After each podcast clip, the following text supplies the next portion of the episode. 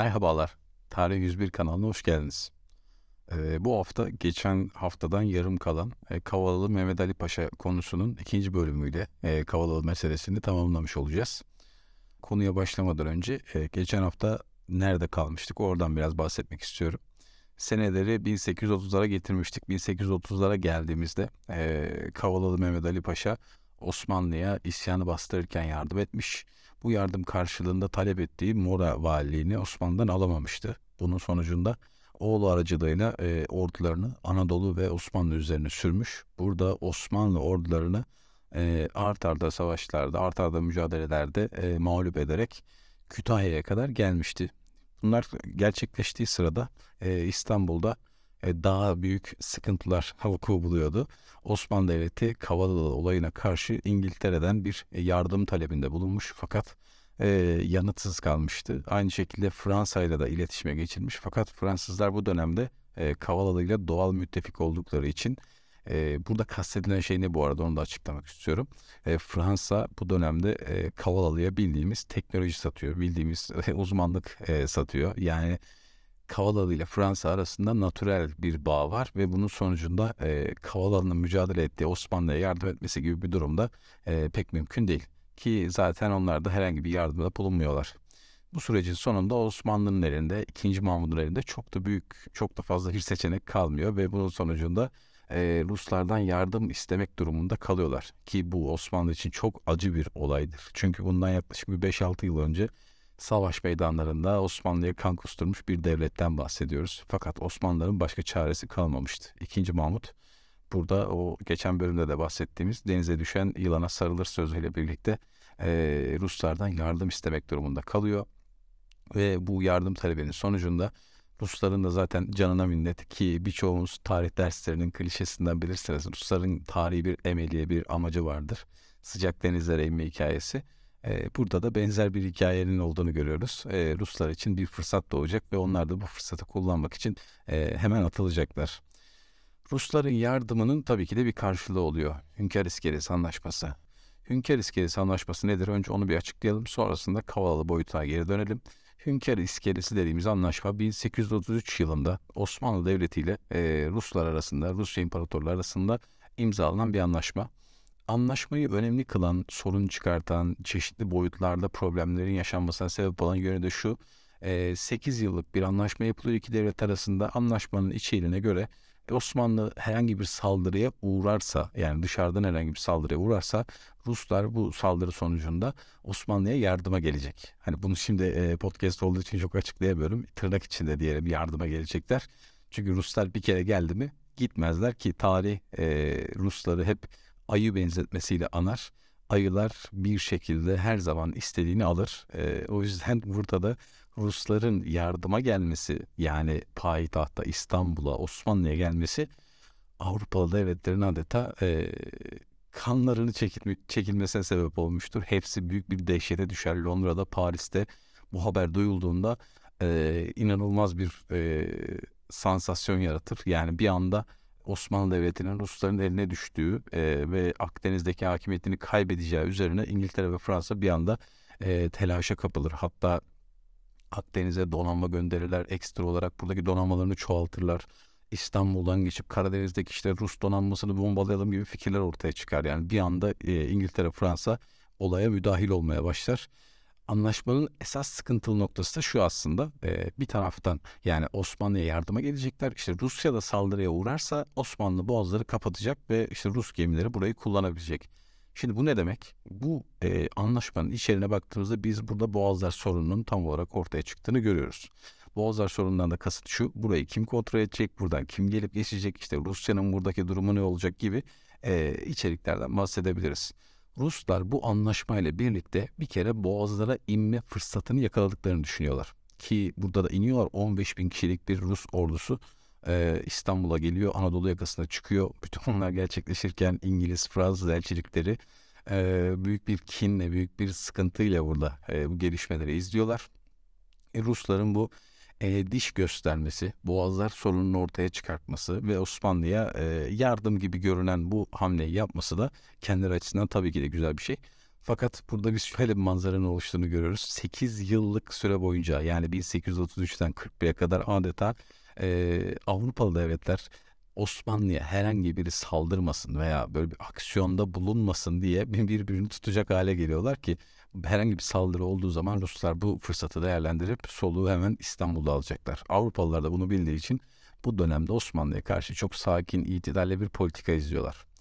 Ve süreç sonucunda Kavalalı e, biraz da bu gösteriden çekiniyor diyebiliriz. Yani Osmanlı'ya karşı bu saldırgan tutumundan, agresif tutumundan bir nebze olsun vazgeçiyor ve iki taraf arasında 1833 yılında Kütahya Anlaşması imzalanıyor.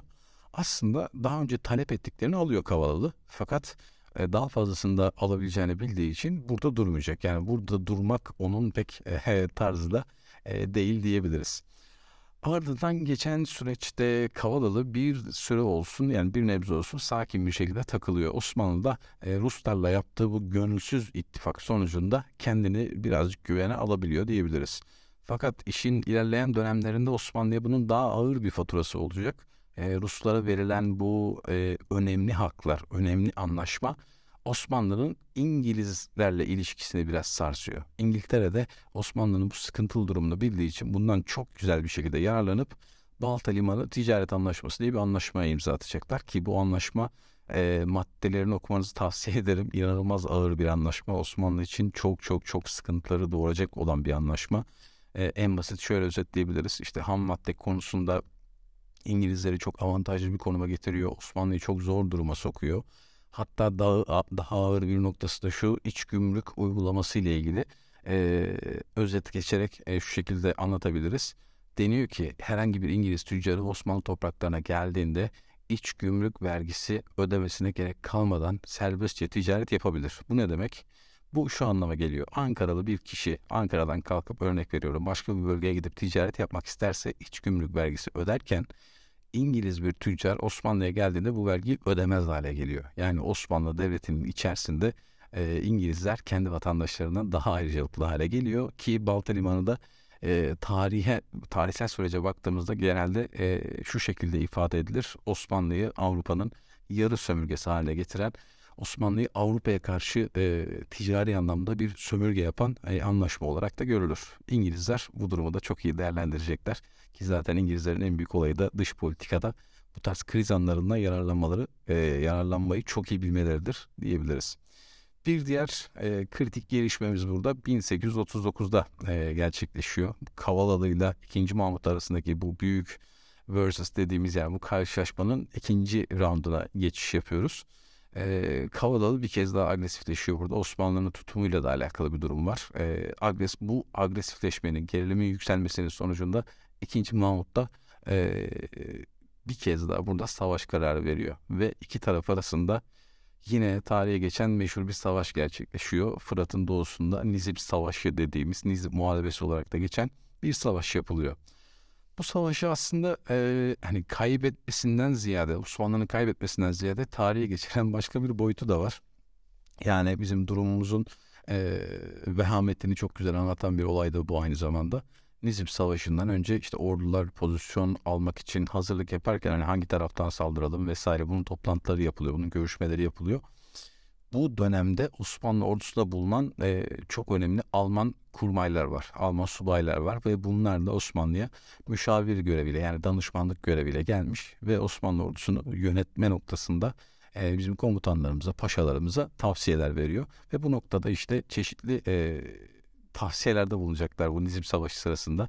Örneğin e, bunu e, bu komutanların bu e, müşavirlerin arasında çok önemli bir isim var. Helmut von Moltke adında ki aynı isimle bir kişi daha olacak tarihimizde kendisinin de akrabası olan e, von Moltke e, Almanya'nın da bir dünya gücü olmasında çok etkili bir isim olacak. Kendisi de önemli yerlere e, gelecek. Moltke ve arkadaşları müşavirler burada Osmanlı'ya diyor ki gelin bunlara işte perşembe gecesinden itibaren bir an önce saldıralım. Şöyle cuma sabahına biz bunları yenmiş oluruz. İşte şuradan saldıralım, buradan saralım. Yani savaş detaylarından bahsetmeyeceğim. Daha çok buradaki o absürt durumu anlatmak istiyorum. E, plan yapılıyor. Müşavirler teklif sunuyor. İşte cuma günü biz bu işi bitiririz falan gibisinden. Bizimkiler diyor ki hayır bu işi cuma günü yapamayız. Adamlar şaşırıyor tabii ki de. Niye? Hani cuma gideceğiz. Bakın o e, Kavalalı'nın ordusu daha tam yerleşmedi. İbrahim Paşa daha tam ordusunu hazırlamadı falan filan deseler de bizimkileri ikna edemiyorlar. Nedendir? Çünkü şer'en, şeriata göre e, caiz değildir. Cuma günü savaş yapılmaz diyerek Alman kurmayları reddediyorlar. Almanlar bu durum karşısında nasıl bir tepki vermişlerdir düşünmek bile istemiyorum. Peki o zaman öyle yapmayalım ne yapalım bir gece baskını düzenleyelim şuradan gidelim buradan gidelim yine bir öneride bulunuyorlar. Bu sefer bizimkiler yine olmaz ya niye olmaz bu sefer de işte haydut gibi koca Osmanlı ordusu haydut gibi burada böyle bir saldırıda bulunamaz diyerek e, devletin o kudretli itibarına e, bir çivi daha çakıyorlar. Ve böylece bu öneri de reddediliyor. Devamında e, Kavalalı'nın ordusu pozisyonunu alıyor, yerleşiyor. Osmanlı ordusuyla karşı karşıya geliyor. Ve yaklaşık 4 saat içerisinde binlerce ölü ve on, e, yine 10 binler demeyelim 10 bin kadar da yaralıyla Osmanlı çok ağır bir yenilgi alarak savaşı tamamlıyor. Bizim için ağır bir yenilgi burada ortaya çıkıyor ve Osmanlı ordusu Nizip Savaşı'nda Kavalalı'ya bir kez daha yenilmiştir. Ağır bir yenilgi olmuştur bu aynı zamanda ve daha sonrasında da e, Avrupalı devletler araya girerek bu sorunu çözüme kavuşturmanın yollarını aramaya başlamışlardır. Osmanlı'nın bu sorunla ilgili olarak e, yaptığı çok kritik bir hamle var. Bu hamle aslında bizim tarihimize bu konudan çok bağımsız bir şekilde anlatılır ama e, bu konunun içinde değerlendirmek lazım. O meşhur hem edebiyatta hem tarihte çok ön planda olan Tanzimat Fermanı'nın aslında bu konuyla oldukça yakından bir e, yakından ilgisi vardır. Tanzimat Ferman dediğimiz şey kelime anlamı olarak baktığımızda yani tanzimat kelimesini açtığımızda nizam yani bir düzen verme, düzenlemeler fermanı olarak karşımıza çıkar. Bu fermanın içeriğinde yani içeriğin ayrı bir bölüm yapabiliriz. Çok önemli e, maddeler var ama şöyle özetleyebiliriz. Toplum içerisindeki kesimleri eski millet sisteminden çıkartıp yani her işte inanışı farklı bir millet olarak adlandırmaktan ziyade toplum içerisindeki e, Müslüman gayrimüslim farklarını eritmeye yönelik işte bütün toplum birbirine eşitlemeye yönelik bir e, ferman olduğunu söyleyebiliriz aynı zamanda şey can, mal, namus güvenliğini devlete bağlayan, padişaha bağlayan, işte bütün her şeyin devlet tarafından sağlanacağını taahhüt eden bir e, ferman olarak karşımıza çıkıyor. Peki bu konuyla ne alakası var? Bu konuyla şöyle bir alakası var. E, dönemin önemli isimlerinden Mustafa Reşit Paşa burada kendisi hem dış işlerinde çok önemli görevler yapıyor. Aynı zamanda da İngiltere'de elçilik yapıyor. Ve burada e, bu sorun karşısında İngiltere'nin desteğini almak için böyle bir e, tahkikatın yapılması, böyle bir çalışmanın yapılması ile ilgili olarak 2. Mahmut'a yoğun bir şekilde baskı uyguluyor. Ve böyle bir e, plan program yani Tanzimat Fermanı adıyla hem İngiltere'nin desteğini alacak hem ülke içerisinde ki ilk bölümde bahsetmiştik bu dönemde e, azınlık isyanları çıkıyor milliyetçilik hareketlerinden dolayı sıkıntı yaşıyoruz diye. Bizimkiler olayı şöyle çözümlemeye çalışıyor. Kardeşim siz ne istiyorsunuz? İşte siz aşağıda kaldık biz alt görünüyoruz gayrimüslimler şöyle kötü davranıyor vesaire. Okey o zaman bütün herkese biz eşitlik veriyoruz diyerek böyle bir fermanla çözme yoluna gidiyorlar. Yani Osmanlı burada bir taşta bayağı bir kuş vurmanın planını yapıyor. Nedir bunlar? İşte toplumsal eşitliği sağlamak, e, uluslararası alanda itibar kazanmak, Kavalalı meselesinin e, çözümünde işimizi kolaylaştırmak, İngiltere'nin de bu sorunla e, bizim e, yaşadığımız bu sorunla desteğini yanımıza çekebilmek gibi çok amaçlı bir ferman olduğunu söyleyebiliriz. Aynı zamanda bu Tanzimat Fermanı dediğim şeyde bir dönemi başlatıyor. Tanzimat dönemi olarak da e, edebiyatta da geçer. 1839 ile 76 arası yani meşrutiyet düzenine e, meşrutiyet, meşruti monarşiye geçene kadar ki süreyi ifade eder. Bu Tanzimat Fermanı ile beraber aslında istenen de bir nebze olsun e, sağlanmıştır. Osmanlı Devleti İngilizlerin de desteğini alır ve daha sonrasında olay giderek büyüyünce bütün Avrupalı devletler araya girer ve böylece e, Mısır meselesinin çözümü için çalışmalar yapılır. E, bu noktada önce bir Londra konferansı toplanıyor. İşte İngiltere'nin öncülüğünde bütün Avrupa devletleri bir araya geliyor ve e, bu Mısır sorunu ne yapacağız, nasıl çözeceğiz diyerek konuşuyorlar. Tabii bu devletler arasında bir tek Fransa yok çünkü Fransa devleti dediğimiz gibi Mısır'a yani Kavalalı'ya yakın olduğu için olayların dışında kalıyor. Kavalalı karşıtı bir karar alamayacaklarını bildikleri için. Bununla birlikte bu Londra konferansından çıkan karar, Londra anlaşması yani bu e, süreçte Mısır'ın hukuken Osmanlı'ya bağlı olmasını vaat ediyor. Aynı zamanda Mehmet Ali Paşa'nın yani Kavalalı'nın ve oğullarının yöneteceği bir bölge e, haline gelmesini vaat ediyor. Yani diyorlar ki siz yani bu topraklar size ait Osmanlı'ya ait fakat Kavalalı ve ailesi tarafından yönetecek Mısır işte Osmanlı'ya vergi ödeyecek e, Suriye, Adana, Girit falan hani size kalsın biraz da toprağını bize veriyorlar ama biz burada çok farklı bir statü görüyoruz. Çok ilginç bir statü görüyoruz. Mısır Hidivliği diye bir kavram doğuyor. Mısır Hidivliği. Şimdi bu ne demek? Hidiv bizim dilimizde yabancı bir kavram. Hidiv kavramı e, öyle ki bir taraftan baktığınızda yani çok anlamlı bir kelime bu. Hidiv bir yandan baktığınızda vali, komutan gibi anlamlar taşırken, yönetici gibi anlamlar taşırken bir yandan baktığınızda sultan anlamına da geliyor. Sorun çok güzel bir şekilde çözülüyor burada. Yani çok güzel derken tabii ki de e, kötü çözülüyor ama Hidiv kelimesinden çok güzel bir çözüm yolu buluyorlar. E, Mısırlılar, Kavalalılar kendine diyor ki biz diyor Mısır Hidiviyiz. Yani biz burada sultanız diyorlar. Osmanlı yönünden baktığınızda da onlar bizim yöneticimiz, valimiz falan diyerek geçiştiriyorlar yani. Böyle e, iki tarafında gri alanda ortak bir çözüm bulduğunu net bir şekilde görüyoruz. Londra Anlaşması'yla e, bu mesele yine bir süre için e, çözülüyor. Devamında buna e, mukabil ekstra bir anlaşma daha yapılıyor. Londra Boğazlar Anlaşması diyerek. Bu Londra Boğazlar Anlaşması'nın e, durumu e, olayları başka bir yere götürecek. Çünkü bu anlaşmaya baktığımızda Boğazların bizim mutlak kontrolümüzden çıktığını görüyoruz e, uluslararası bir statüye bağlanıyor. Yani deniyor ki işte X durumda boğazlar kapatılacak. Y durumda savaş gemisi geçerse şöyle olacak. Osmanlı savaştaysa böyle. Avrupa'da şu savaş varsa böyle gibi.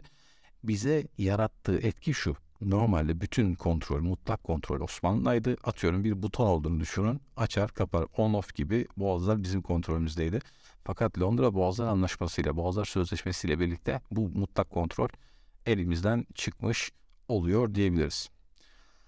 Kavalalı'nın Kavalalı sorununun birinci perdesi e, ya da e, birinci bölümü diyelim. Çünkü bu sorunun büyük kısmını konuştuk. Kavalalı biraz daha yönetecek. E, yaklaşık 10 yıl kadar sonra bu olaylar bittikten 10 yıl kadar sonra hayatını kaybedecek ve kendi ailesinden gelen akrabaları Kavalalı hanedanını Mısır'da oluşturacak.